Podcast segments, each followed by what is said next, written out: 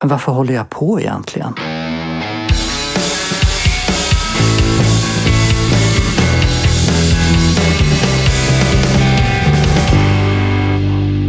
Amatörmusikerpodden. Jag heter Ola Ek och jag är amatörmusiker. Jag gör egna låtar som jag publicerar på bland annat Spotify. Och jag försöker lära mig mer om inspelningsteknik, låtskrivande och sånt. Och poddar är ju en fantastisk källa till kunskap.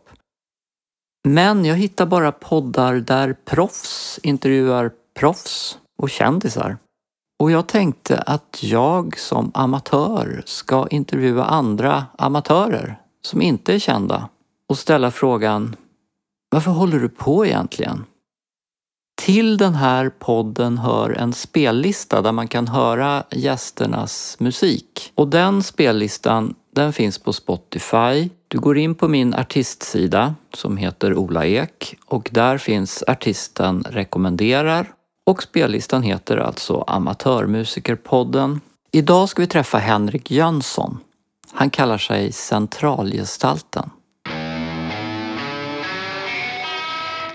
Sen har väl folk haft lite åsikter om texter och typ mår du verkligen bra? Och då känner jag att ja, jag mådde bättre efter att jag hade skrivit det där.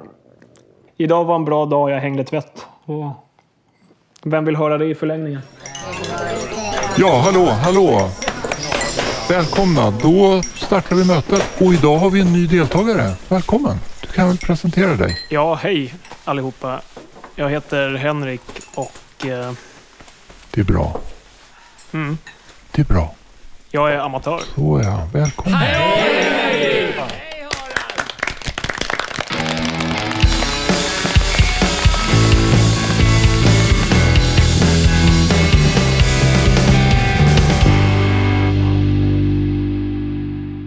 Känner du att du är okej med det? Absolut. Ja. Varsågod. Extremt stor blåbärsmuffins. Ja, precis. Då tar jag en choklad då. Mm. Nu är vi ju här i Årsta, eller är vi i Östberga? Eller var är vi egentligen? Eh, Men jo, precis. Östbergahöjden. Eh, kan väl redan nu måla upp den romantiska bilden av att vi alltså sitter precis mitt emellan Globen och Kents gamla studio. Det är ungefär där jag bor om man nu vill liksom pinpointa på Google Maps var jag befinner mig. Ja, och att Kent betyder något, det har jag förstått. Ja, det gör de. Eh, Det, det kommer jag väl aldrig komma ifrån. Alltså det är ju hela min gymnasietid att det var, alltså det var 99,999 var att jag lyssnade på Kent. Och sen när jag började skriva egen musik så sa min klasskompis till mig att men fan, när ska du sluta slicka Jocke Bergs röv? Och liksom tio år senare började en Kent-kör i Stockholm. Så jag kände att det han sa det nog bara för att motivera mig. Har jag tolkat det som i alla fall. Sa du att du började i en Kent-kör? Eller vad Ja, precis. För... eh, När var det? Jo, men eh, ett år efter att de slutade, alltså december 2017 då, så, så hölls det en konsert med en Kent-kör här i Stockholm som började i september. Där tanken var att ja, får vi in 20 pers som gör det här så sätter vi igång det. Den var driven av eh, Studiefrämjandet då. Sen eh, anmälde sig då 90 pers. Idag är vi 120. Och, Oj. och eh, har, har gjort eh, två, tre konserter per eh, termin då sen dess. Och det, alltså så här, jag höll på att skriva musik och sjunga innan men det har ju fått mig att få helt andra ögon på framförallt hur man arrangerar låtar och med stämmor och sådär och, och ja, hur man sjunger på rätt sätt. Alltså jag har väl när jag sjungit tidigare uppfunnit något som heter halsstöd istället för magstöd och det är ju inte så bra i förlängningen att bara stå där och skrika. Så, Nej. så det, det har gett jättemycket. Ja. verkligen. Nyttigt att sjunga i kör. Mm, ja, men det, är, det är rep eh, varje måndag numera och det är ju alltså det är en sån, det är en superb start på veckan. Ja. Ja. Och ehm, vem är det som är med i kören? Är det Henrik eller är det centralgestalten? Det är väl definitivt Henrik som, eh, som efter att vi har haft körrepen tar på sig- han går in i en liten telefonkiosk och kommer ut som centralgestalten lagom till att vi ska ut och ha en after choir istället för en after work. Det, jag kan väl fortfarande vara lite Henrik för Henrik är ju en ganska ja, men, jag tror ganska lättsam person och centralgestalten är nog rätt mycket en karaktär som rotar i det han har bakom sig, eller det som Henrik egentligen har bakom sig. Ja. Vad, vad äckligt att prata om sig själv i tredje person, det brukar jag inte göra. Men, men, eh, men jo, de i kören vet ju om centralgestalten och de som tycker något om det har väl tyckt att det har varit bra. De som inte tyckt någonting vet jag inte. Men jag är väl glad för dem, de få som har lyssnat nu på senare tid. Hur gammal är du? Eh, 27 år gammal, fyller 28 i år. Och var är du uppvuxen? Född i Uppsala, men bodde inte där särskilt länge. Eh, Jag bodde i Härnösand ovanför Sundsvall tills jag var 10. Eh, Sen när jag var 11 så flyttade vi till Braås utanför Växjö. Eh, Så jag är hälften norrlänning, hälften smålänning. Nu börjar jag väl bli kanske en, en kvarts stockholmare för att åren går. Så det är blandat ursprung. Familj? Har du, eller du lever ensam? Eh, eller? Jag lever ensam, Ja. gör jag. Eh, Och eh, är extremt trött på det. Mm. Ja. Är det något som hörs i musiken då? Mm. Mm. Eh, Jag hoppas man inte kan översätta det till desperation. Eh, Men jo, det vill jag väl vara, vara ärlig med. Så det, det sipprar väl ur ibland. Absolut. Mm. Hur känns det när, när du vet att någon har lyssnat och, och kommenterar? Eh, Så det betyder extremt mycket om någon kommenterar, om någon har en åsikt, tycker jag faktiskt. Eh, Sen ska jag inte säga att det är det som står och faller på om jag liksom håller på med musik eller inte. För jag, jag tycker att det ger mig själv svin, alltså det ger mig själv väldigt mycket tillfredsställelse att bli klar med en låt. Eh, Men om någon sen har lyssnat och framförallt de eh, få gånger men de tillfällen då den som har lyssnat är den, den person som låten kanske lite handlar om utan att de vet om det. För det, det där brukar ju inte avslöja men det, det är bara att vara sann mot sig själv. Liksom att nu när jag har lyssnat på låtar som jag skrev för två år sedan så inser jag ju att jag sa då att ja, men jag bara skriver ord som låter coola men samtliga handlar ju om personer. Det gör de verkligen. Det, det är bara att vara ärlig mot sig själv där liksom. Handlar de om eh, Henrik också eller om eh, Eh, andra personer?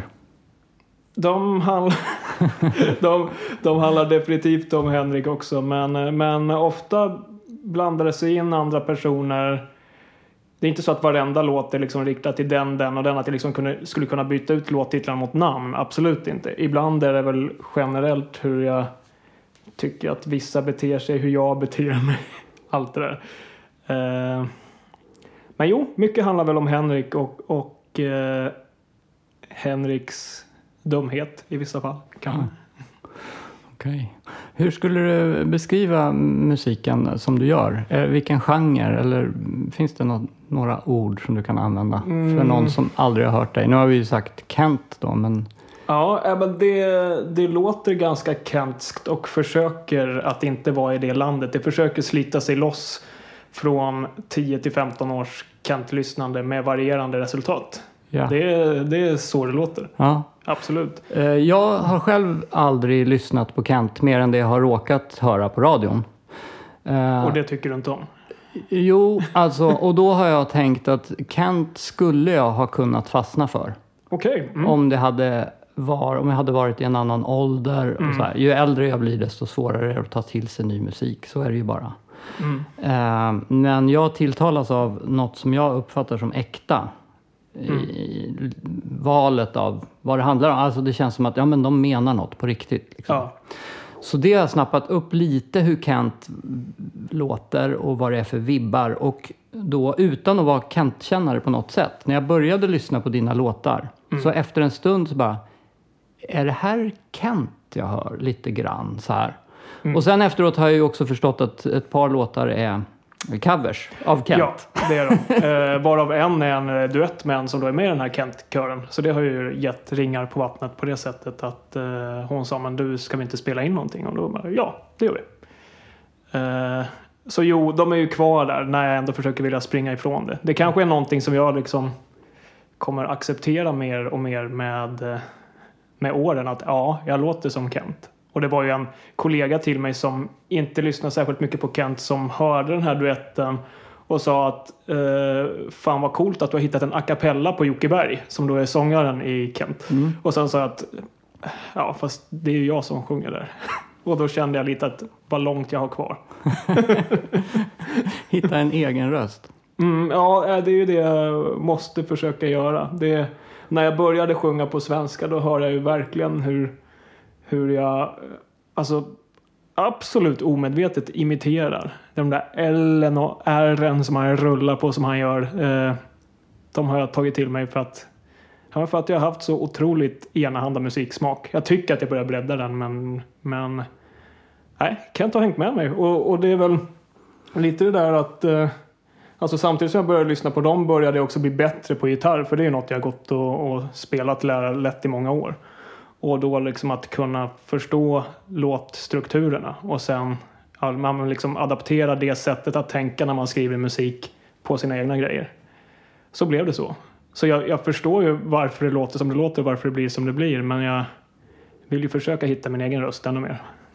För, för mig som lyssnare då så eh, stördes jag inte alls av Kent. För jag var inte ens säker på om det var Kent jag hörde. Det var Nej. något jag fick för mig att men det kanske är ungefär så här som jag har uppfattat Kent. Så, här. Att, Mm. så jag misstänkte att där, de fanns med där som influens någonstans. Mm. Eh, Men för mig var det inte alls som att åh gud, det här är Kent-kopia. Liksom. Det kan inte jag avgöra nämligen. Eh, och det, är klart, om någon skulle säga det så skulle jag ju ta det som en stor komplimang. Men det är ju klart man, man, vill, man vill ha sitt egna lilla twist på det. Men du har gjort eh, en hel del eh, egen, egna låtar också ju. Mm. Eh, och sen har du, släppte du ett par covers. Ja, precis. Jag senare. släppte två covers. Det, ja, men efter, jag tror det var någon termin där då Kent-kören hade tagit slut så var att jag, jag bara kände smak för att ja, men hur, hur, skulle, hur skulle Kent låta i centralgestalten kostym? Om jag verkligen ville visa att ja, men så här annorlunda hade jag gjort det. Jag är inte Kent. Eh, så då valde jag, jag, jag, jag gick igenom lite låtar och eh, hittade en låt på Agnesta Hill som heter Cowboys. Ja. Eh, som jag kände att jag ville göra om, ge min egen röst men samtidigt någon slags tribute till originalet. Och i originalet så är det, jag har hört att eh, till någon melodislinga så använde de en eh, knapptelefon. Eh, det jag gjorde istället var att jag använde ett Gameboy som jag slog på av. Och så hör man även när jag knäpper på den här on-off-knappen. Eh, så jag kände att det skulle vara samma liksom, lite experimentlusta i det fast annorlunda. Och jag la väl in lite typ inte vet jag, inte taktmässigt men ljudmässigt någon form av dubstep-bas mitt i. Bara för att jag kände att det hade Kent inte gjort. Nej. Ehm. mm. Ja, men så, så absolut, det, det, jag kan ju uppskatta att göra covers men det är ju inte mitt primära mål. Det, mitt, mitt mål är ju att göra egen musik som folk tycker om. Så de här två coverversionerna, de kom därför att det var uppehåll i kören? Eller var det något du Ja, kände? de, ja, de kom nog definitivt av, av abstinens. Eh, och eh, nu ska vi se här. Så jag tänker rätt. Men, men, men jo, jag tror...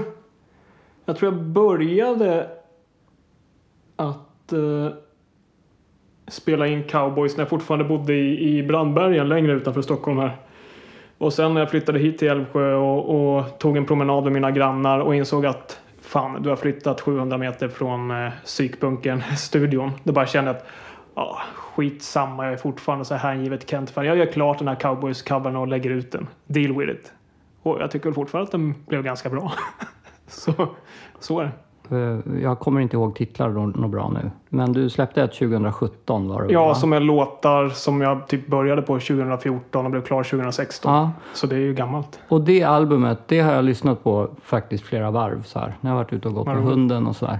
Mm. Och, och gillar mer och mer hela tiden. Eh, och sen så skrev du att ja, de här två låtarna som kom senare är covers. Ja, men då, så lyssnade jag på dem också. Mm. Och då, hade jag, då kände jag igen den som heter Duett. För den hade jag redan lyssnat på någon gång så här. Mm. Och, så, och så blev jag lite besviken. För att jag tyckte, wow, här har han verkligen utvecklats ett steg till som låtskrivare. Liksom. Den här På låten? På duett. Ja, jag tyckte det var, ja det här är nya, fan, här är verkligen tydliga språng framåt. Och så bara, nej den var en cover. Jaha, fan vad, ja. Ja, ja. För, men ja, så, så reagerade jag när jag förstod. För jag, så, så dåligt inlyssnade jag på Kent så att jag tyckte att ja, Ja, låten... men eh, det är ju, duett är definitivt en låt jag hade önskat att jag hade skrivit själv. Ja. Verkligen. Jag förstår det. Den var, jag tyckte den var jättebra. Men det finns en eh, textrad som jag har eh, fastnat för som... Eh, vi när, det är någonting, jag kan inte exakt, eh, men vi närmar oss jordens atmosfär. Någonting sjunger du Just det. någon gång. Vad är det för låt? Eh, Valentins dagar Ja, heter den. är på det där albumet, eller hur? Ja. Vad, vad kommer du ifrån då när du närmar dig jordens atmosfär? Var har du varit? Vad, är det som händer? Oj.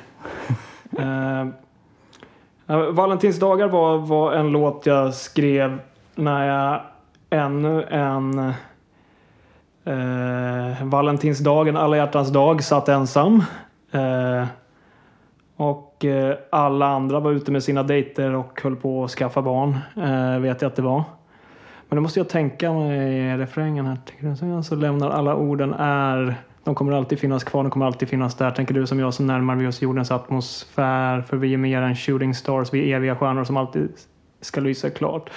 Eh, men i, I sin, nu mumlade jag fram hela texten där, men i sin hela kontext så tror jag liksom att det handlade om, det, är, det är den gamla klyschan att man skriver låtar som handlar om kärlek. Det är oundvikligt liksom och det här var när jag var ett par år yngre och, och ännu mer bara fast i den bubblan och jag, jag tror det handlar om att jag ville att den där känslan av att vara på moln när man verkligen tycker om någon, att den skulle finnas kvar. För det hade nog varit eh, några tillfällen med personer där, där man tyckte liksom att ingenting någonsin flög. Och så ville jag bara klä in det i, i eh, väldigt konstiga ord.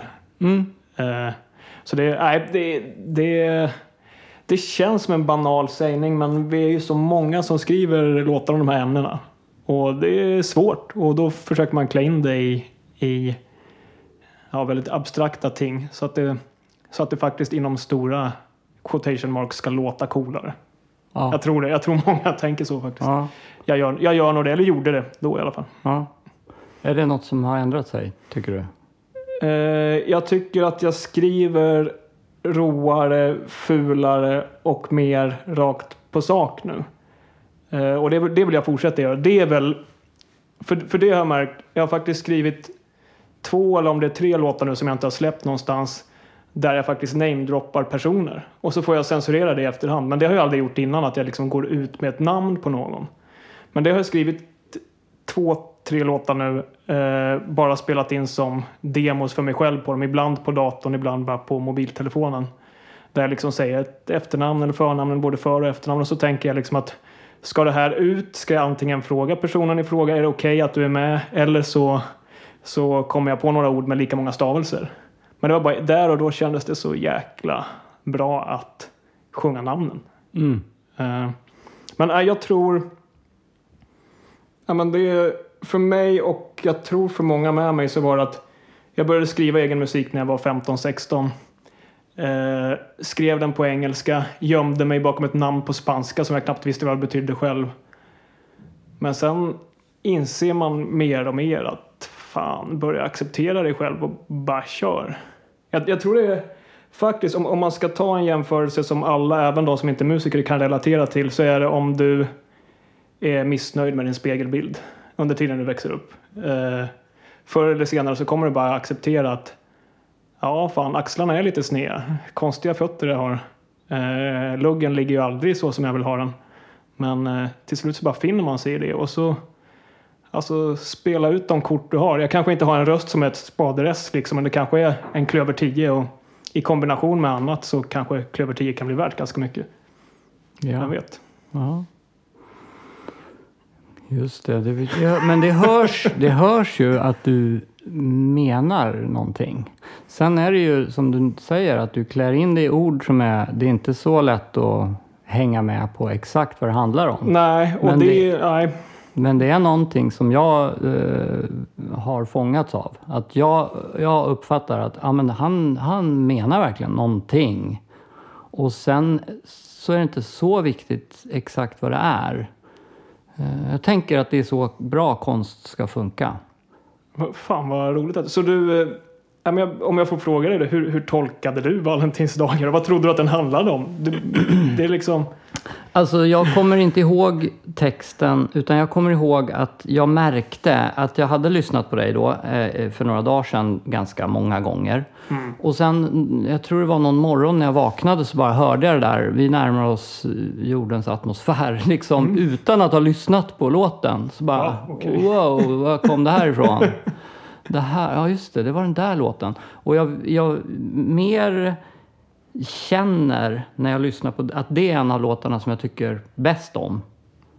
Eh, och jag vet inte varför. Det är någonting med det där svävande närma sig. Och det skapar ju en bild hos mig då som inte är samma bild som du hade. Men det är ju precis det jag menar att bra konst ska fungera så. Ja, det ska den väl säkert. Men det, vad, vad ställd jag blir att det är den låten du fastnar för. Men vad kul! Vilken, vilken låt borde jag ha fastnat för? Eller vad trodde du? Vad, vad, vad är du liksom... Skulle nog ha tippat på... Oj, nu kommer jag namedroppa tre låtar. Men, men först och främst skulle jag nog tippat på En olikhet gemensamt.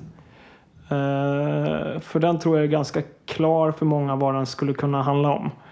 Eh, ja, nu blir det mer namedropping här. Men En olikhet gemensamt, 7 miljarder vet jag att många, sex stycken, fastnar för. Eh, eller kanske Önska också. Då har vi tre stycken låtar. Ja. Men, eh, Är de alla tre på albumet där? Mm, Ja. Precis, i och med att du sa att du hade lyssnat igenom Ja. det här nu. Så. Och eh, jag vet att jag, när jag har lyssnat på albumet så mot slutet, det måste vara de två sista låtarna, så har det känts som att de har också... Är, är Valentinsdagar en av de två sista låtarna? Nej, Valentinsdagar är nog låt tre eller Ja, fyra okej. eller något sånt där. Men eh, de två sista, det är någonting där också som liksom hänger kvar Okej. när jag lyssnar. Mm. Ja, så det är, det är, jag tycker det där albumet är väldigt bra helt enkelt. Då ska jag ju inte plocka ner den. Då får jag väl... För det, vi har ju pratat innan om att det finns vissa låtar där jag halvskäms för. Att jag skulle ladda upp det hela igen. Ja, det har vi ju nämnt, men jag fick intrycket att det handlade mer om ljudbild och arrangemang och sådär. Det är det ju för sig också. Alltså, allt av det där är ju relativt dåligt inspelat. Eh, en del av det.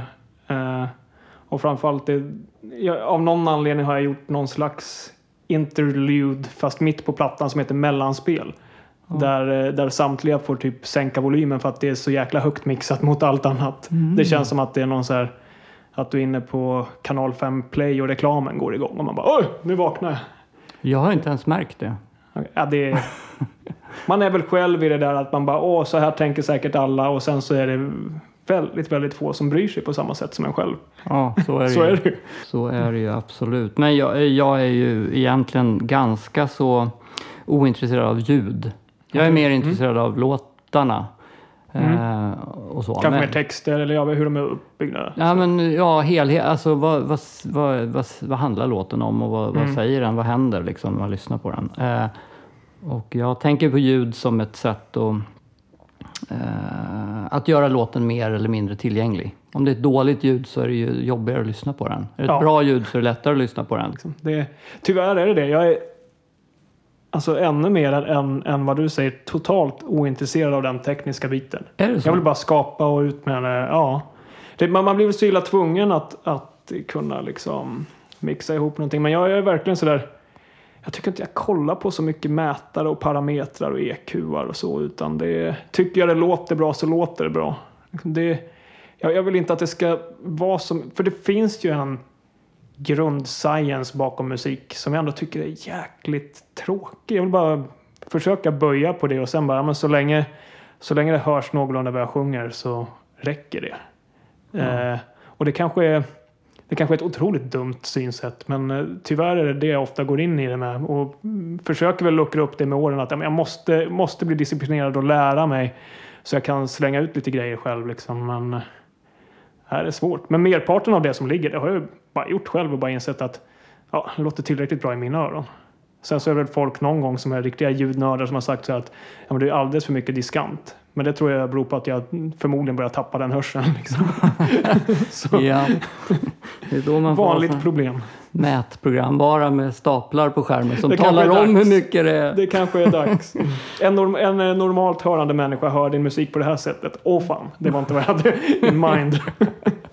Men, och, som tänker, du, tänker du på um, proffs, om det skulle råka vara någon proffsproducent som lyssnar på dig och som har åsikter om eh, hur det låter eller hur det borde låta och så här. Tänker du på det när du håller på och mixar? Alltså det kan väl göra att jag ibland försöker sitta längre och, och pilla med grejer. Det, är- framförallt är det ju det att det är väl en period jag försöker komma ur nu där jag, för det var det när jag skaffade senaste versionen av Reason som är programmet jag jobbar med och även en biffig dator som klarar av att jag sitter och gör liksom 120 spår med massa små syntar och massa små väsande saker. Då blir det ju lätt att du vill liksom bygga en stor legopyramid av hela skiten och bara så mycket som möjligt ska in i den här låten. Och sen är jag tyvärr inte kapabel att mixa det så att alla ljuden kommer fram. För det finns, det finns ju tyvärr alltså, säkert ett eh, 20-tal sådana projekt som ligger på datorn som blev så här 1.30 långa låtar. Där jag bara kände att ja, man orkar inte lyssna på det här för det är så intensivt och så mycket. Eh, Men om jag någon gång skulle släppa en sån låt, för jag har ju släppt en del låtar med ganska många lager, då sitter jag väl längre och jobbar med dem. Och bara att, ja, jag tänker att ja, här hör man ju både min leadstämma och körstämman och man känner någon slags bit och då får det duga. Sen kan jag inte förklara för någon som frågar men vad använder du för kompressor, vad använder du för sånt där och sånt där. Jag har ingen aning. Jag bara pillade tills det lät bra. Mm. Eh, Och pillar du tills du är nöjd själv och tycker nu låter det bra, nu är det klart, eller fortsätter du pilla lite till för att du tror att någon annan tycker inte att det är klart nu? uh, ja, I viss, om, jag, om jag tycker att låten är tillräckligt bra pillar jag väl lite till för deras skull. Och för att jag har fått kritiken att gud vad mycket diskant det är i, i, i dina låtar. Så jag har pillat bort den. Ibland efter andras behov mer än mina egna. Men jag tror ju jag tror ju kanske att jag har lite försämrad hörsel för att jag har hållit på med det här så mycket. Att det är lite, lite diskant som har försvunnit. Och folk har börjat klaga på att jag pratar högt ibland. Jag eh, märkte också på albumet, vad heter albumet? Jag har tappat namnet. På Det har det otroligt heta namnet volym 1. Just, volym 1. Eh, när jag lyssnar på volym 1 då har jag eh, reagerat på att det är lite så här dist eller saturation. Finare ord. På sången eller på på... sången. Ja. Och, eh, och har, jag har tänkt att det här är, låter inte som ett olycksfall utan låter som att det är meningen. Mm, ja, men jag tycker ju om distorsion. Kanske just det för att, eh, för att den hör jag bra. Den sitter som slag i magen på mig. Och eh, när jag spelade in volym 1 i grejerna eh, som egentligen då är inspelat typ 2014 till 16 vissa av låtarna. Det är lite blandat sådär. Eh, så var jag mycket mer eh, obekväm med min egen röst. Och tyckte att den var häftigare som distad och förvrängd. Och gärna det här att det, det var någon vis man någon gång som sa till mig ja men kör dubbla lead vocals så låter det fylligare. För jag tycker liksom att eh, jag tycker att där och då tyckte att jag lät jävligt pipig och jag har en generell tendens att skriva låtarna väldigt, väldigt högt upp. Eh, så att det är ju, alltså ingen skulle beskriva mig som att ja men centralgestalten han sjunger ju väldigt lågt tonhöjdsmässigt. Det gör jag ju inte. Det har jag, jag har försökt att lägga låtar där men det är alltid att de bara går upp, upp, upp, upp, upp och så börjar det liksom pipa och skräna. Ehm. så ja, då, då skitar man ner det med eh, lite dist. Och det har jag väl fortsatt göra ganska mycket men försöker också springa ifrån det där. Men jo, de, de gånger det har varit har det varit meningen såklart. Och du, eh, du har använt, har jag för mig om jag minns rätt, nu har jag lyssnat på flera eh, olika artister parallellt här så jag kan blanda ihop. Men jag har för mig att jag tycker att jag har hört någonstans att du har använt autotune som en effekt. Och ibland har du inte använt det, att det, du har låtit det vara lite små skevt här och där. Ja, Eller? jo, det finns ju låtar där jag verkligen eh, sjunger falskt på. Det finns det ju. Eh, både i gestalter och rätsidan så vet jag ju att jag är out of tune. Eh, men eh, jo, of, ofta vill jag väl att, att det ska ligga som någon effekt. För den, ja, den negativa kritik jag fått det är ju från när jag gått med i kören och fortfarande autotunar mig själv. Eh, och folk säger att men herregud, du kan ju sjunga. Vilket också är en extremt fin komplimang. Mm. Förstör inte din röst på det här sättet. Men jag tror där jag har autotunat mig mest är ju den här duetten jag gjorde med Emily. För att, eh, för att jag tycker att hon är en så pass bra sångerska så jag blev lite rädd för hur jag skulle framstå i det där. Så där har jag nästan autotunat för mycket. Men jag har ju även autotunat eh, kören som är i början för att det ska vara en effekt. Så då tyckte jag att i det ljudlandskapet så köper man att jag är autotunad. Jag gjorde det, men en del sa att ja, det låter jättebra men din röst kommer ju inte fram. Emily kommer ju fram som den naturliga och den extremt bra sångerska hon är men du, du låter inte som du. Mm. Och det, det kanske var ur det som den här rättsidan sprang, sprang då att eh, ja, det ska vara en sångtagning. De fel jag gör, gör jag. Mm. Och så blev det. Och jag hoppas väl att någon uppskattar det också. Ja, är, är, blir du betänksam eller rädd för, för felen? Hur de ska uppfattas? För jag, jag upplever det som modigt att låta felen vara kvar. Eh, ja, jag, tack för det första. Eh, ja, jag eh, skulle vilja våga låta felen vara kvar mer. Men eh, många gånger har jag tillrättalagt mig själv och autotunat. Eh, sen, sen tycker jag också att det finns eh, där jag låter som bäst i min sång, där jag inte förvränger den. Det är också till ett speciellt typ av arrangemang. Jag skrev en episk låt om ett två sekunders ögonblick. När jag mötte någons blick och tyckte att det var nice.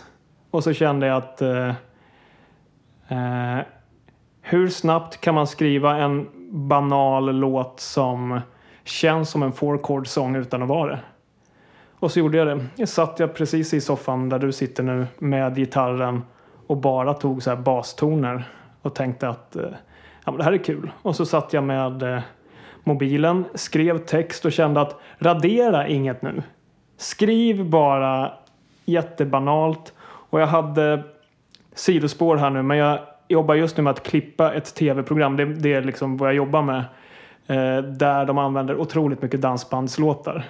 Så jag skrev den nästan som en dansbandslåt med inga så här atmosfärsmetaforer utan ja, jag står i din hall, din famn är så varm. Eh, och jag kände att Alltså, här skriver ju inte jag men, men eh, det är återigen den där 27-åriga Henrik idag som accepterar hur han ser ut i spegeln. Låt honom bara skriva det här och köra. Och så gjorde jag det, gick in till andra rummet här, spelade in den, satt otroligt nära micken i princip så här hånglade upp micken. Ingen autotune, ingenting, en tagning på sången. Lägg en tunnelbana i bakgrunden så det låter lite coolt. Fyra orgelspår och sen är det klart. Tunnelbanan har jag hört på slutet av låten när det är den där lilla när Ja. man är framme vid stationen. Annars har jag inte fattat att Nej, det är bruset tunnelbana. ligger hela vägen men ja, väldigt Ja. lågt. Ja. Men, jo. Just det, rätsidan. Och det är ju liksom så att jag skulle kunna komma undan med den röst jag har om alla låtar lät som rätsidan. Men det vill jag inte att de ska göra. Så jag tror att när det är fylligare arrangemang och eh, alla instrumenten går väldigt in i varandra och det känns välproddat där. Då kan jag inte komma in och sjunga lite surt. Det känns lite snett, just nu i alla fall. Men det kanske är en tröskel jag be- behöver ta mig över. Och är det tillräckligt mycket feeling i det jag gör så kanske jag inte behöver. Och sen också det här att Ja, jag har en ganska ljus sångröst men fan skriv dem inte för högt upp. Det Börja med capo på gitarren och sen så sänker du det två steg så kommer du klara av att sjunga det där. Jag vet ju att det är det som ska till men jag gör ju inte det. Det är lättare sagt än gjort. Ja, jag, jag tycker själv att det är väldigt svårt det där med, med att veta hur, hur surt kan jag låta min egen röst vara liksom. Mm.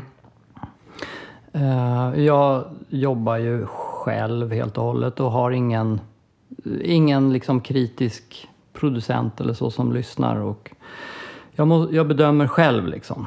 Mm. Och jag tycker det är, det är skitsvårt helt enkelt. Att veta, är det här surt? Eller det här kanske inte ens någon annan tänker på att det är surt. Nej, Eller, nej. eller det här kanske inte är surt. Det kanske är jag som hör fel. Eh, Jag blir jättenojig över det.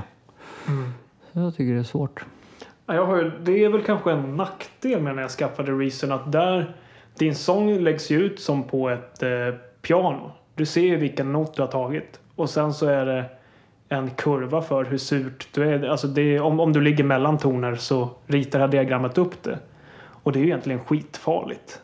Det är ju bara som att du får ett kvitto på hur mycket du äger eller suger. Liksom. För det, så var det ju faktiskt när Emily var här och spelade in och jag visste att det skulle bli så. Liksom. Men det var ju i det stora hela sinustoner. Liksom. Det, det var... Jag använde ingen autotune där. Jag provade för jag tänkte att ja, men det är ju hela viben på låten men jag kände att nej, så fort jag drog i någon liten så här spak eller parameter så ja, men det låter ju inte som hon längre, då låter jag det vara. Men så där kunde jag inte behandla mig själv. För att jag tyckte att ja, men fan, jag låter ju för illa. Mm. Ja, jag har eh, ju som jag sa släppt en singel som kom ut idag och under de två veckorna som det har tagit från att jag släppte ifrån mig den tills den kom ut så har jag låtit bli att lyssna på den. Mm. Så jag har lyssnat själv på Spotify bara, vi måste ju höra att det blev rätt liksom i alla fall. Mm. och då, var, då blev jag så bara, nej men det här är ju surt alltså. Fan, det blev nog lite för surt. Ja, så jag blir så här. Ja. Och jag tycker det är, det, är, det är den stora nackdelen med att jobba ensam. Att jag har liksom inget, jag har inget bra bollplank till det där liksom. Som lyssnar tillräckligt noga. Men jag. du hänger inte i några musikerkretsar riktigt tycker du eller? Finns inte någon? Nej, jag har några kompisar som jag skickade till som lyssnar på låtar och så. Men jag tycker inte att just sån, på den detaljnivån är det liksom inte någon som riktigt eh, orkar engagera sig. Okej. Men jag får mycket annan bra feedback. Men just det där med hur, hur, hur sången låter, det tycker jag är väldigt... Eh, det, där känner jag mig väldigt ensam. mm. Så därför är jag intresserad av det. När jag hör en annan röst som är liksom, ja men det är lite surt här, men det gör inget. Det är ju bra, liksom. Mm, och sen så hör jag att här är autotune, men är det för att det var så surt så att det måste vara det, eller var det en konstnär, ett konstnärligt grepp, liksom? Ja. Eh, så det, ja, jag, jag bara... ja i, I duett tyvärr många gånger. Jag vill försöka maskera det som ett eh, konstnärligt eh, ingrepp. Men egentligen så, så var det för att jag tyckte det var surt. Ja. I förhållande till allt annat som kändes så supercleant. Liksom. Ja. Och, och vad är det som får dig att ta beslutet då att rätta tonerna med datorkraft och inte sjunga om?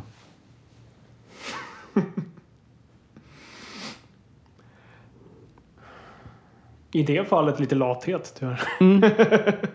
att det går.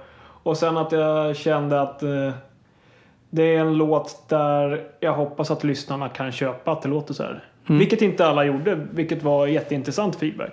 För det är ju klart alltså man mår ju alltid bra av eh, bra feedback. Åh, du är så himla duktig. Och Men, men det där konstruktiva med att ja, man, sluta autotuna dig själv nu. Det gjorde ju att andra låtar skapades. De kanske inte alls hade låtit så om inte den kritiken hade kommit. Mm. Så där har vi också kritik, alltså jätteintressant. Mm. Framförallt den, ja, men den som är konstruktiv. Mm. Det, för det var ju inte bara så att de sågade hela låten och att vad fan har du gjort? Utan, ja men du, så där låter ju inte du. Men det här gränslandet där är liksom att gör han så här för att han inte kan sjunga, det är nog farligt. Det, och jag har nog gått på den niten för mycket. Och sen har jag faktiskt inget svar på om jag kan sjunga eller inte, men jag, jag, jag tror väl jag tror att jag kan höra så jag tror att jag kan uttrycka någonting. Det är väl där det ligger. Um, har, vet du inte om du kan sjunga eller inte? Så här, genom kören och efter det här solot så sa körledaren till mig liksom att ja, men hon var jätteglad över att jag hade tagit det här solot också. Det, det var ju hon som valde att jag skulle göra det för att jag anmälde mig. Då sa hon liksom efter den här konserten att tro aldrig att du inte kan sjunga. Hon, hon sa något av det som, som verkligen gick in och jag har ju fått sagt till mig att ja, men, mestadels har väl feedbacken varit du har en, en röst som sticker ut. Du har en speciell röst. Eh, men jag har ju märkt på mina inspelningar sen att det är ju inte alltid rent, men det kanske inte är det som räknas som att kunna sjunga. Så, så här, jag, har, jag, har, jag har redan nu så mycket större förtroende i min egen röst än vad jag hade kanske för bara ett år sedan. Och också som sagt när jag sjöng mer med halsen med magstöd, då lät det ju jävligt mycket sämre. Jag var inne på samma som din körledare, att tro aldrig att du inte kan sjunga. Det är klart du kan sjunga. Okej. Mm. Men jag tänkte också på den där um, eh, som du sa att du eh, får, eh, får feedback som att du har en röst som sticker ut. Mm. Det låter som ganska obehaglig feedback också. Alltså, för det skulle ju Ja. kunna vara inländ att det här låter ju inte bra. Liksom. Skulle det kunna betyda eller så? Ja, men det, ja, men det är det jag har. Jag har varit lite rädd för de som har sagt det, att, att det sticker ut. Men det är också många av dem som har fortsatt att lyssna. Så då har jag förstått att det kanske betyder något bra. Men eh, jo, den är läskig. Den är läskig. Ja. Typ. Ja, jag har fått liknande sådana. Och, och då har jag... eh, Men jag har vant mig vid att eh, det är många som tycker att jag låter på ett sätt. Men, men jag har börjat tro att det betyder att jag har en personlighet i rösten. Ja, absolut. Vill du ha en feedbackmacka till? Så ska jag säga så Ja. att jag tänkte väldigt mycket Olle Ljungström när jag hörde dig. Framförallt text ännu mer. Ja. Att det finns en underfundighet som är... Den, den feedbacken återkommer. Jag är Mm. så förbluffad. Jag har aldrig lyssnat på Olle Ljungström. Och så Det kommer mig oerhört. Och han är ju liksom, han är en stor Mm. stjärna liksom. Underground-stjärna skulle jag betrakta Mm, honom ja. som. Och, eh, och, så, och första gången jag hörde det så bara, va? du visste knappt vem du var liksom. Nej. Och så bara, jaha. Och så har jag lyssnat på honom och han sjunger ju lite, han, han har ju inga autotune kan man säga. Nej, och han sjunger definitivt surare än vad Ja. du gör. Men det, Och- det finns ju en stil liksom. Ja, men, men det, det associerar jag med det som du hade fått höra där om att ja, din röst sticker ut. Det var så jag reagerade när jag, ja, du sjunger som Olle Ljungström. Så bara, aha, jag sjunger falskt alltså. Liksom. Men, men sen har jag eh, liksom bearbetat det och, eh, och så har det ju som sagt återkommit och jag har börjat Dels hör jag att det stämmer, det är ju sant. Vi, är, vi är väldigt lika faktiskt. Mm. Och, eh, och jag börjar bli ganska glad för det. Ja, men det ska du vara. Alltså, är, han är ju en... Tyvärr inte längre en levande legend, men fan Nej. legend för mig tycker jag. Det, Ja. Jag har ju också lyssnat en del på honom. Alltså, när jag lyssnade som mest på honom, det var då jag skrev som roligast texter. Att det, eller det var väl då jag skrev som mest så här cyniska texter som ändå är kul. För det tycker jag, 7 miljarder är ganska Olle Ljungström. Han, det finns någon, någon, någon bit i den låten om typ spelmissbruk som man lite kan skratta åt. Eh, finns i den. Ja, det har, det- jag, men- har jag skrivit en låt om spelmissbruk Mm. som heter 21. 21. 21. Rimmar du 21 med roulette då? Ja, det, det händer. det händer. Rim, det var bra att du tog upp det. Jag är ju helt fastlåst vid att jag måste rimma hela tiden. Det har jag fått feedback om, att man, men rimma inte hela tiden då. Eh, men jag, jag tycker det är jättesvårt att låta bli att rimma. Och jag tycker det är kul att hitta på rim. Mm. Hur tänker du kring rim? Eh, det behövs inte men eh, det flyter bättre. Om, om, jag tror per automatik att jag ofta skriver med rim. Jag satt en gång och kände mig som en sån total bluff när jag satt med en i den här Kent-kören då och vi snackade om hur man skriver musik. Och han berättade om något som kallas för rimschema som jag aldrig hört talas om. Nej, inte jag heller. Och Vad är han, det? och han bara så här. Ja men i det här rimschemat har jag rimmat rad 1 med rad 6 och rad 8 med rad 12 och jag bara aha, ja ja. Och, och han tog upp olika exempel i populärmusik liksom att ja men jag tycker hon och han och hen har så jävla bra rimscheman. Och han bara hur tänker du med sådana här rimschemastrukturer? Jag var väl ganska ärlig med att ja, men jag, jag tänker inte så. Låter det bra så låt, låter det bra. Men du har, ja, när du förklarar vad rimschema är så förstår jag att det använder jag också. Mm, Även om de inte är så eh, sofistikerade som det du beskrev. Nej. Eh, Det är antingen rimmar två rader efter varandra eller varannan rad. Mm, Och, och två andra rimmar så de vävs i varann. Eller så är det två som rimmar på varann och så den tredje. Och så är det två som rimmar och så rimmar den nästa tredje på den förra tredje. Men känner Liksom. du också att du gör det omedvetet? Att det bara sker liksom? Ja. Att det är i rytmen. Ja, Mm. det sker och så ser jag att det är så. Och så tänker jag, ska jag låta det vara så eller ska jag försöka? Och ibland så har jag försökt på senare tid att frångå, tvinga mig ur det liksom. Mm. Så jag, jag ska prova, hur fan blir det om versen här har inga rim? Utan rimmen kommer i refrängen. Mm. Då händer det något. Liksom. Men jag tycker det är väldigt svårt. Och Ja, det, det är som att- så lätt att... Ja, men det är som... Ja, men de här senaste låtarna har jag skrivit... Eh, ja, rimmar väldigt mycket för att det känns naturligt. Det tar, jag tycker att rimmen tar låten framåt. Och egentligen borde man ju frångå det där och bara berätta någonting rakt ut som det är och sen låta instrumenten ta låten framåt. Men det är många gånger jag känner att ja, om jag markerar något ord i sången så är det så himla naturligt att där kommer de här stråkarna in, där kommer det här in. Att, att mycket av arret byggs eh, ut efter texten och vad som sägs där. Och det är klart att det är väl rätt fyndigt om det lever i symbios också. Men Ja, jag tycker när det lyckas, ett bra rim, då det är som en överraskning som sker i texten. Någonting oväntat. Men rimmet gör att man ändå väntar på det. Men man vet inte vad det är som ska hända. Och så kommer det där ordet som bara åh, wow, det var det som hände. Ja, Som men en- exakt, men lyssnaren har en bild av eh, vid 30 sekunder ungefär hur det ska låta vid 40 men man blir ändå så här att Jaha, det var inte år utan det var hår. Ja, precis. Väldigt dåligt, dåligt exempel. Nej, men, men precis. Och så blir det en, ö- en överraskning. Liksom. Om man kan få det att fungera och inte bara vara en överraskning för överraskningens skull. Då blir det ju, då blir det ju superhäftigt. För att rimmet stödjer liksom ändå att det finns någon trygg form där Mm. för lyssnaren. Det är inte helt, man kastas inte bara helt ut i det okända. Liksom. Nej men precis. Det är, jag kanske tror att... Eh,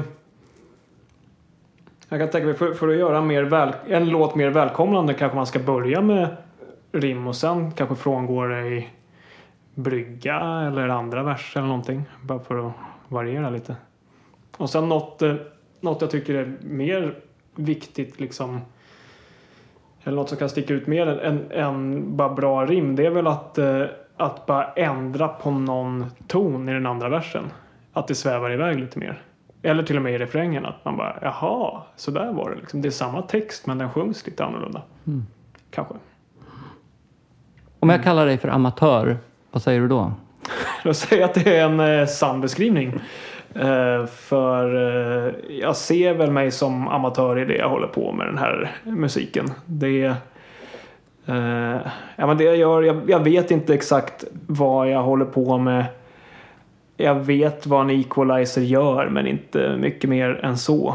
Och sen är man ju också en amatör inför sin konst att de här frågorna du ställde om vad handlar den här låten om? Vad, vad baserar den här meningen i? Mina svar var ju mest baserade på alltså, känslolägen och saker som hade hänt i livet då. Men det är ju inte att jag spelar ut i varenda ord, varenda stavelse att det handlar om just den grejen. Det är bara att det bottnar lite i det. Och jag hoppas att det ska kunna lysa igenom. Och det tycker jag att det gör. Att det hörs att det finns någonting eh, äkta där i botten. Sen vet man som lyssnare kanske inte vad det är som är. precis. Men att det är något som är betydelsefullt. Mm. Att veta att du inte vet. Det ersätter ju en hel del av den där vetskapen som fattas. Ja, precis. Det, verkligen, det, det var sjukt bra formulerat. Att veta att du inte vet ersätter vetskapen. Ja, det, det är mycket, mycket vet hit och dit. Men jo, det tror jag verkligen att eh, det handlar mycket om en, en eh, självinsikt man får vara så där sjukt ödmjuk inför att man kanske ändå i vissa mått har. För jag tror någon, någon som inte har någon självinsikt, att de inte vet vad de håller på med, har nog mycket svår, svårare för att nå ut. Och eh, det, är ju liksom, det kan jag ju se på mig själv eh, att eh, när jag började med musik då hade jag inte självinsikten om att det jag ansåg var coolt var jävligt töntigt med, mina, eh, med mitt synsätt på det idag. Att gömma sig bakom något man inte är och att, eh, att eh, liksom skriva på engelska som ingen förstår bara för att det ska låta coolt. Sen sitter jag här och heter centralgestalten i artistnamn. Men det finns en story bakom det och se det för fan med glimten i ögat. Snälla. Ja. Vi var inne på hur många är det som lyssnar och just nu på Spotify var det 54 lyssnare på en månad. Mm. Eh, men eh, har, håller du koll på det? Vet, liksom, läser du, kollar du statistik och, och tittar på hur många är det som läser, lyssnar nu och hur gick Jag det? kollar inte statistiken på Spotify utan jag... Eh, Jag, las, alltså jag släpper mina låtar via en eh, tjänst på nätet där det även finns diagram över hur många som har lyssnat per dag på en låt. Och se hur det går upp och ner. Så där är jag inne och kollar. Vilken tjänst använder du? Eh, DistroKid heter den. Distrokid, okej. Hur funkar det? Betalar man någonting där? Eller? Eh, du betalar per år och får släppa hur mycket du vill. Okej, en eh, fast kostnad per år. Mm, precis. Och sen så kostar det någon så här 50-lapp extra per år för varje så att säga coverlicens jag har. Så jag betalar en 100-lapp extra för de två Kent covers jag är ute. Mm. Eh, men jag valde den för att det, det gick liksom... eh, det går väldigt fort från att du laddar upp en låt tills den kommer på Spotify. Mm. Två, tre dagar liksom. Mm, Så du hinner inte ångra dig riktigt utan det går väldigt fort faktiskt. Ehm, men jo, Har- där, där kollar jag staplar och diagram och ser... eller det är väl mest för att se hur mycket har min, inom stora citationstecken, hur mycket har min marknadsföring av den här låten betalt sig i plays liksom. För så som jag marknadsför är ju min Facebook-sida, min eh, Instagram. Jag har märkt att Instagram stories är ju väldigt effektivt. För då kan du även dela så att folk får höra en snutt av låten. Eh, och så ser du också exakt hur många som har visat den här storyn. Det är otroligt avslöjande att bara klicka in och så bara Ja, den, den, den och den lyssnar ju faktiskt kontinuerligt. Och oj, här var någon ny. Liksom. Så Så Mm. Instagram, det, jag har inte Instagram alls. jag bara skaffa ska du se att det kommer 50 till där. Alltså, vet? måste man inte ha följare som ska se? Alltså, man, man kan inte leva själv där. Man måste ha följare. Ja, det är eller? klart du ska ha följare, men det... Jag vet inte. Gå, gå med i en kör. Ja, Så, just det, då har man sig. automatiskt. mm, ja, men jag, jag tror extremt mycket på att... Eh, det är klart, en, en vänskap ska inte bygga på att dina vänner slutligen ska bli dina fans. Det låter ju rent vidrigt, men, eh, men jag tror väldigt mycket på att, att eh, häng i kretsar med folk som är ganska likasinnade och gillar ny musik. Så jag har ju känt att det, det har gjort att folk har lyssnat. Absolut. Folk som gillade Kent i det här fallet, det, ja, men det, det gav lite utdelning ändå. Ja. Nej, jag har inte hittat till de där kretsarna riktigt. Nej. Eh, och jag tror också att jag är ju lite äldre än vad du är. Jag fyller ju 55 i år. Mm. Eh, och vi är väl inte lika aktiva på Instagram, gissar jag. Nej, nej. Och jag, alltså, jag tycker ju verkligen inte att det ska krävas. Jag tycker det är tråkigt att det ser ut så, men, men det är... Jag vet inte, det, det är en djungel det där, att få ut sin musik. Det är svårt.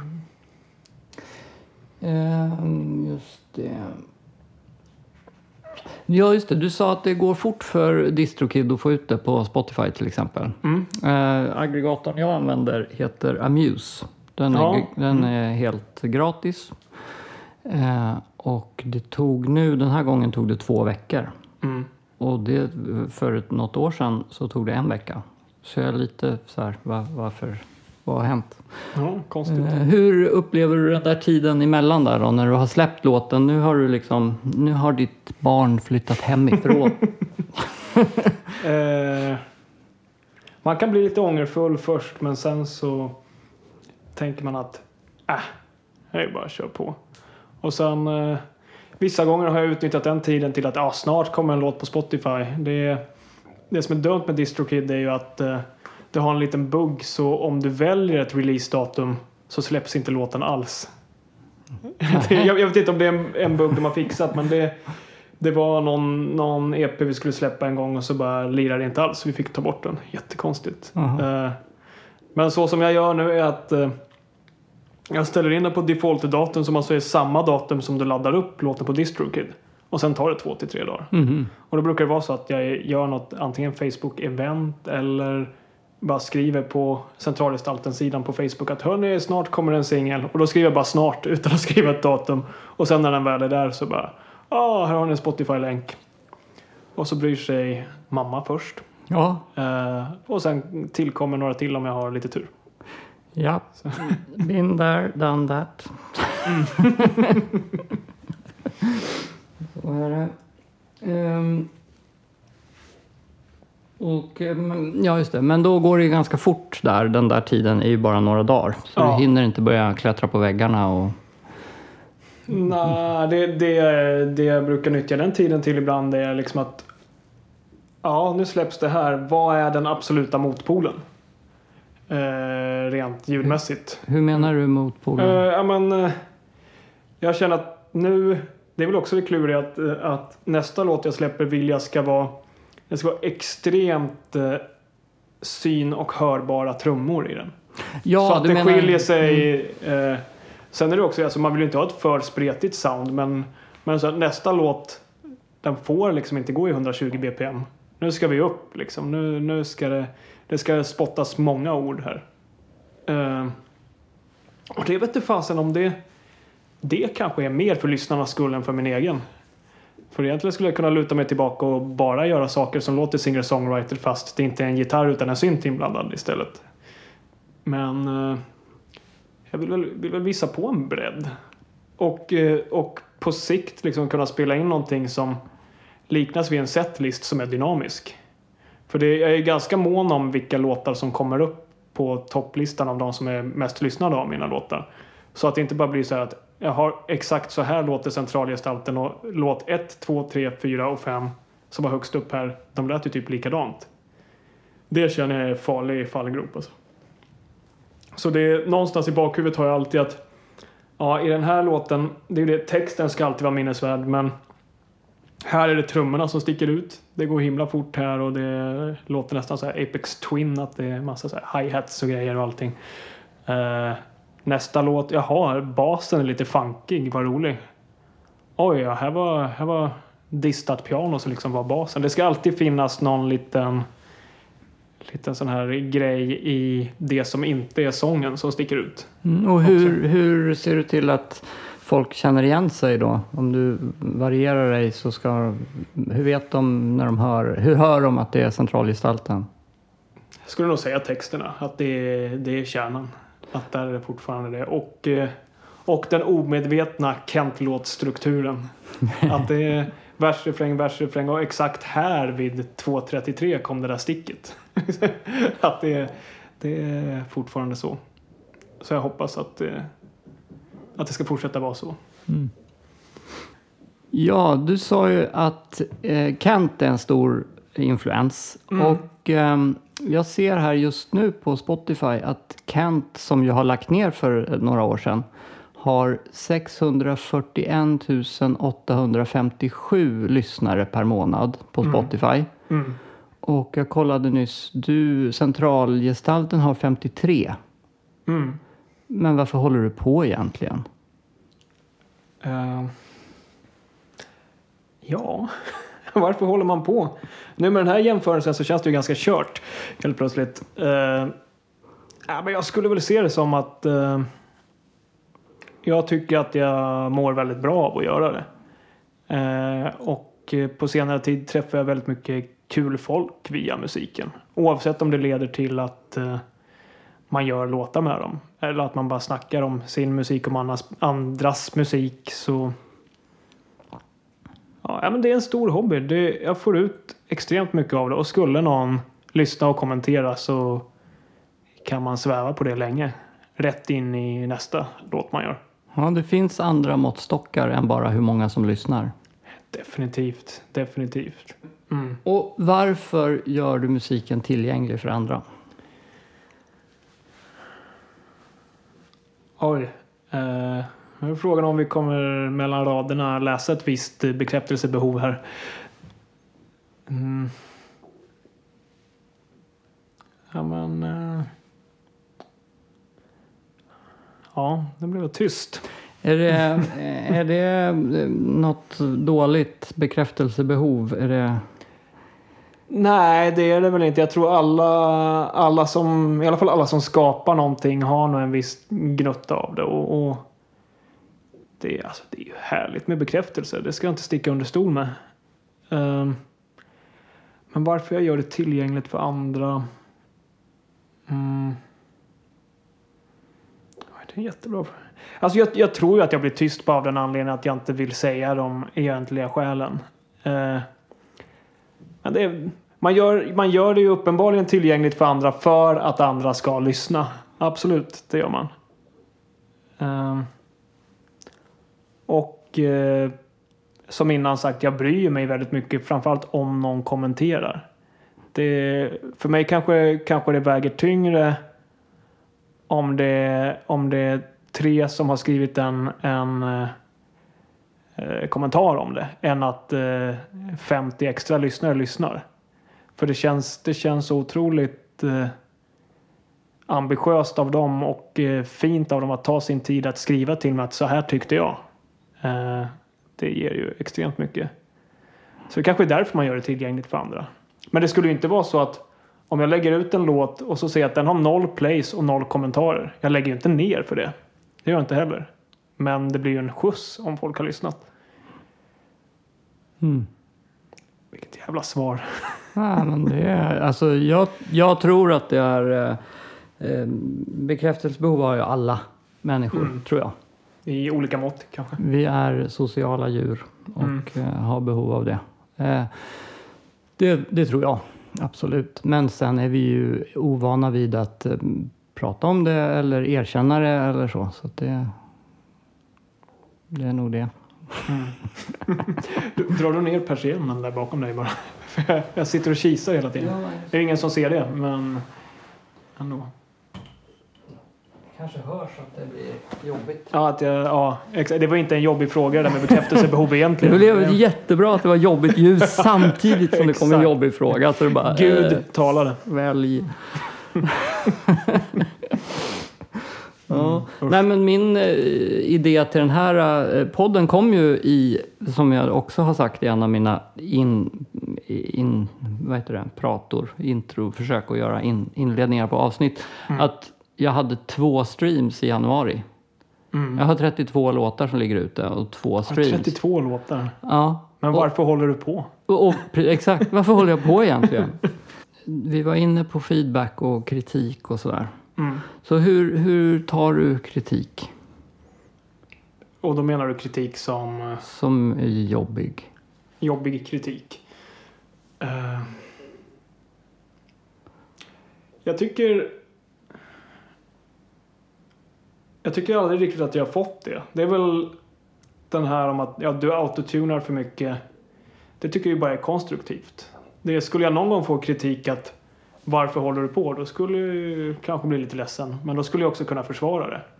Och kanske inte, alltså jag är ju väldigt anti mot att starta ett Facebook-krig och bara ja, du ska inte tro att du...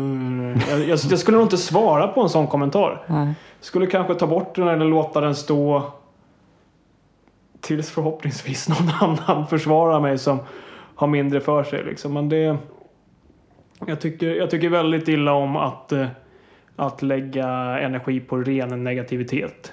Men är det konstruktivt så är jag nog snabb att svara. Mm. Men är det bara att eh, fan vad du har snott från Kent och vad håller du på med? Då, då skulle jag låta dem ha sin säg där men jag skulle nog faktiskt inte svara på det för att jag inte skulle lägga energi på en sån människa. Men skulle du, så du blir inte påverkad av det? Indirekt skulle jag nog försöka ändra mitt eh, sound liksom. Men det, det beror så otroligt mycket på hur personen uttrycker sig. Verkligen, måste jag säga. Ja.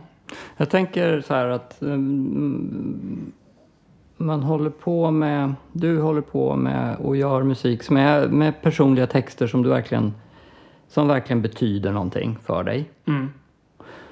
Um, och du vill att uh, många ska lyssna. Mm. Och ju fler som lyssnar, desto fler kommer det finnas där som inte tycker om det. Ja. Det är ju liksom en procentsats. Nå, man kan inte, alla kommer inte gilla det. Liksom. Nej, nej. Så ju fler man når, desto fler kommer att tycka illa om det. Mm. Samtidigt som fler tycker om det också naturligtvis. Ja, det är väl så man får väga in det. Ja. Men eh, för mig är det en liten paradox att liksom, vill jag verkligen att fler ska höra? För att jag riskerar ju att få mer stryk. Liksom. Men i ärlighetens namn, de som hatar det, har inte de annat att lyssna på då? Men det är klart, se på Håkan Hellström till exempel. Det finns en fet mobb som tycker att han sjunger falskt och förjävligt. och inte fatta hans storhet. Tyvärr är det ju så. Det kanske man skulle få på sig då. Det är ju Mm. tråkigt. Och att han liksom har blivit så förknippad vid det. Ehm, Hur, hur ser din närmaste omgivning på det här musiken som du håller på med? Ehm, Känner du att du får stöd eller känner du dig motarbetad eller ignorerad? Eller hur, hur är det? definitivt aldrig motarbetad. Eh, snarare tycker väl folk att det, är, att det är kul att jag håller på. Eh, ja, jag tycker väl det är kul att det känns som att det ändå väck, alltså jag, in, inte lyssnandet från andra men, men, men mitt egna intresse för det växer. I alla fall. Och sen är det väl, vad ska man säga? Nej, det, är- det är ingen som, som aktivt eh, motarbetar det. Absolut inte. Sen har väl folk haft lite åsikter om texter och typ "Ah, mår du verkligen bra? Och då känner jag att ja, jag mådde bättre efter att jag hade skrivit det där. Så, så är det. Ja, det känner jag igen också. Jag har fått också frågor från närstående liksom. Men, men, men, men, men, vad menar du nu? Så här, Mm. Oroliga.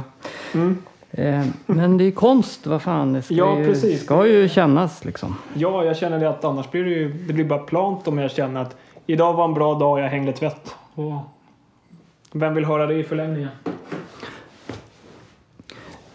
När du har gjort en låt då, hur vet du att den är klar? Ehm, ja, hur vet jag att den är klar? När jag lyssnar gång på gång på gång och inte tycker att det fattas något i det där. Eh, och sen brukar jag ofta alltid ändå ta en, en natt och vila öronen. För det är ofta när jag kommer på en låt, då kanske jag kommer på den vid åtta på kvällen. Och sitter säkert till eh, klockan tre och fullständigt tröttar ut öronen. Lägger mig, tar en god nattsömn på det frukost och sen går jag upp och lyssnar igen och många gånger bara, vad fan har jag gjort? Varför lät det här så bra igår natt? Och då tweakar jag till de grejerna tills jag blir nöjd. Och nöjd i det här fallet är väl när jag tänker att nej, på den nivån jag är nu kan det inte låta bättre. Och då får man bara släppa det. det och jag tycker väl att jag blir mindre och mindre självkritisk, att det bara är att köra. Och, men det låter ungefär som att det tar ett dygn för dig att göra en låt. Går det så fort? Ja, eh, alltså beståndsdelarna till en låt går rätt fort. Jag tycker att, jag anser mig vara en snabb eh, skrivare. Att ord kommer väldigt fort. Eh, men sen så är det också, alltså något jag tar som exempel till många är att jag kan göra många sådana där ofärdiga grejer över en natt. Att eh, jag har extremt många projekt på datorn som är 1.30 långa. Som i mina öron är knappt en halv låt. För jag vill gärna upp på fem minuters sträcket om jag kan. Vilket eh, bara sker ibland. Ehm, men då kan det ju vara så att en vacker dag när jag går igenom de, eh, de liksom arrangemang jag har börjat på så dyker, det något, dyker något upp från ett år tillbaka och bara fan det här var ju bra. Det, då fortsätter vi på det. Så, så i effektiv tid kanske det tog ett dygn att göra låten. Men sen så var det en paus på, på ett år innan jag återkom till den. Ja. Och väldigt ofta, det är ju än idag så kan jag när jag var den här svåra personen i gymnasiet som gömde mig bakom det här spanska namnet och skrev på engelska. Då tycker jag att ibland skrev jag ju ganska bra melodier för det är ju, det är ju lätt att eh, skriva melodier till ett rent blajspråk. För det jag sjöng på engelska makeade ju ingen sens överhuvudtaget utan det var ju bara så här, ja men det här är coola och bara. Eh, och då per automatik så blev melodierna ganska bra. Och de kan jag sno och använda idag. Så det, ja, du gör det. Du Ja, återanvänder det, det. Ja. det, det finns. Det jag tror jag till och med att Ja, det finns nog något i Valentins dagar som är säkert så här tio år gammalt egentligen. Mm. Som bara dyker upp någon liten grej. Och ofta det här att man tar refrängen från ena låten och kombinerar med den andra. Det har hänt också. Så, ja. En låt är väl klar när när man har känner att man verkligen har vridit ur disktrasan. liksom. Ja. Ja. Ja, jag, det sista, tredje låten på den här singeln jag släppte idag, den refrängen skrev jag, det var bland det första jag skrev överhuvudtaget. Den skrivit Oj. tidigt på 80-talet. Åh jäklar. Och har, liksom, Har den bara legat? den har liksom aldrig, då, då kändes det som att det här är en bra melodi liksom, men jag kunde inte skriva låtar då. Jag visste inte hur jag skulle göra en låt av det. Nej. Och sen hade jag ett annat band för, ja, det vad kan det vara, 20 år sedan ungefär. Och då blev det en låt av det där. Men det bandet, det, det liksom, den låten blev aldrig, den fick aldrig någon eh, spridning. Nej. Så nu bara tog jag tillbaka den här melodin och gjorde, stoppade in den, använde den i refrängen. Och det är en sån där melodi, vi pratade ju förut om det här med stölder och Mm. risken för att man råkar göra samma.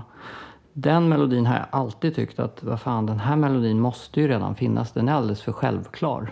Den är så, Mm. Den är så självklar alltså. Men jag, ingen som jag har spelat den för har kunnat säga vad det är för något. Ja, den, där, den där känslan har jag haft också. Faktiskt med Valentinsdagar. Den ja, refräng som är på slutet. Det är bara en refräng liksom. Ehm, men nej, jag har inte kunnat hitta det heller. Så det är ju skönt. Mm. Men jag, jag tror det också är nog ett, eh, ett eh, kvitto på att man är ganska rätt ute. Man bara, varför har ingen gjort det här? Nej, tydligen var det jag som gjorde det. Det är ju det är ju en, en jäkla boost när det känns så. Ja, men det är lite svårt att lita på. Att liksom, nej men det här är alldeles för bra. Någon annan, Per Gessle har ju redan gjort den här låten. Ja, liksom. precis. Ja.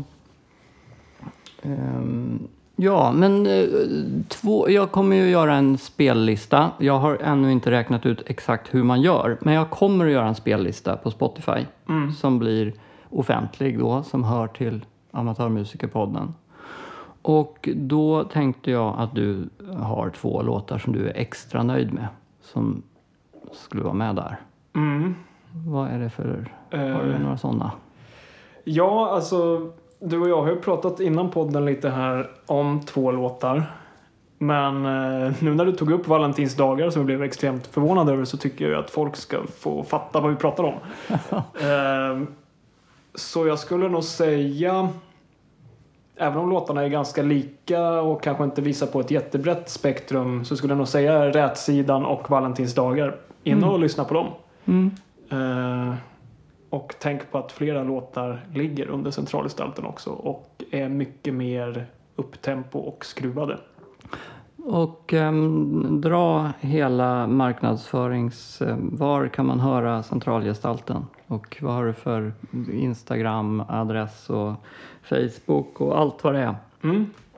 Eh, jag finns på rätt många sociala medier men vill man lyssna främst så är det ju på Spotify under användaren centralgestalten. Så finns eh, alla låtar som jag känner att jag kan stå för idag ligger där. Vill man höra ännu mer centralgestalten så finns det på Soundcloud där det är kanske lite mer ofiltrerat och jag lägger ut eh, saker som kan klassas mer som demos. De lägger jag ut där bara för att folk ska få ta del av eh, work in progress-grejer också. Och sen, eh, ja, rent sociala medier så, så är det ju Instagram, det heter Centralgestalten kort och gott. Och på Facebook finns det en Facebook-sida som heter Centralgestalten där jag uppdaterar lite vad jag gör.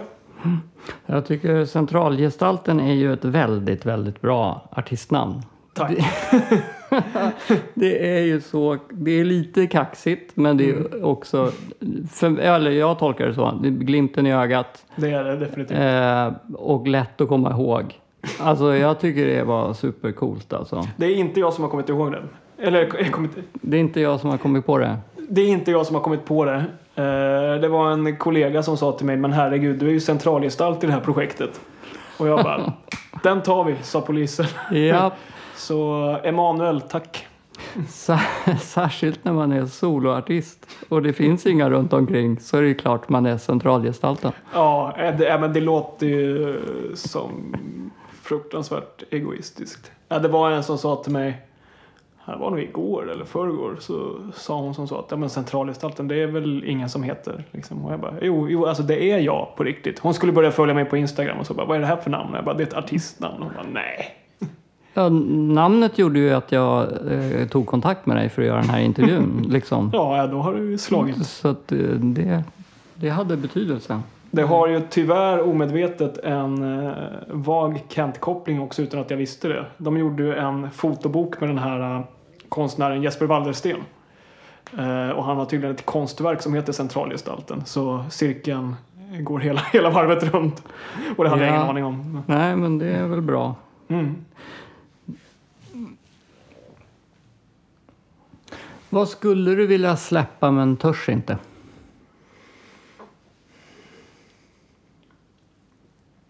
Ja. Ännu mer bara gitarr och sång. Men jag tycker att jag är... Även om jag har spelat gitarr länge så ser jag mig inte som särskilt bra på det. Alltså gitarren är fortfarande bara ett grundinstrument för att kunna skriva grejer som jag sen arrangerar upp. Det är, det är en, en av mina närmsta polare har sagt till mig att du borde ju bara bli så här vissångare, en ny Cornelis som sitter som en trubadur. Och jag bara, ja, kanske.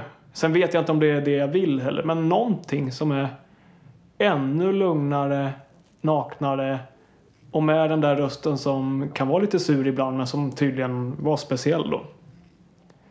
Ta modet till mig att göra något sånt till. Jag har ju gjort sånt, men inte så mycket. Ja, nu, en akustisk gitarr och tunnelbana. Ja, det är väl det. Jag får gömma, jag får gömma mig i något litet brus. så är det. Det finns ju fler färdsätt liksom. Kan ju- Mm, jag får bli en buss nästan. Ångbåt. Precis. En analog ångbåt. Sommarlåt med fiskmåsar. Ja, perfekt. Nej, men jag, jag känner mig nöjd tror jag. Jag är eh, dränerad. Eh, jag med. Jag känner hur svetten bara lackar här. Det är speciellt att snacka om sig själv. Har du blivit intervjuad någon gång? Eh, ja, jag har suttit faktiskt i morgonsoffan i SVT och blivit intervjuad om Kent-kören. Ja. Och det var också en sån här blackout och jag kollade på det i efterhand och bara, men herregud. Och jag, jag känner inte längre min kropp. Nej, det gjorde jag absolut inte. Man ser hur jag tar ett vattenglas mitt i intervjun och det vinglar ju bra alltså. Det är Parkinson-nivå på det. Ja, Men, men. så är det. Träning. Ja. Ja, Mm. ja, nej, Men det här men var vi, extremt roligt. Absolut. ja hoppas att du inte är i chock nu. Absolut inte. Jag är bara eh, orimligt mycket mer trött än vad jag trodde jag skulle vara. Ja. Det eh, var är många tankar som har gått. Ja, jag förstår det. Mm. Tack så jättemycket för att du vågade låta mig göra min första intervju med Tusen dig. tack, det var en ära. Tack, vi hörs. Det gör vi.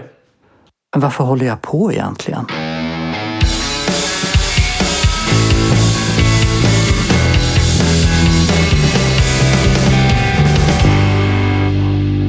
Amatörmusikerpodden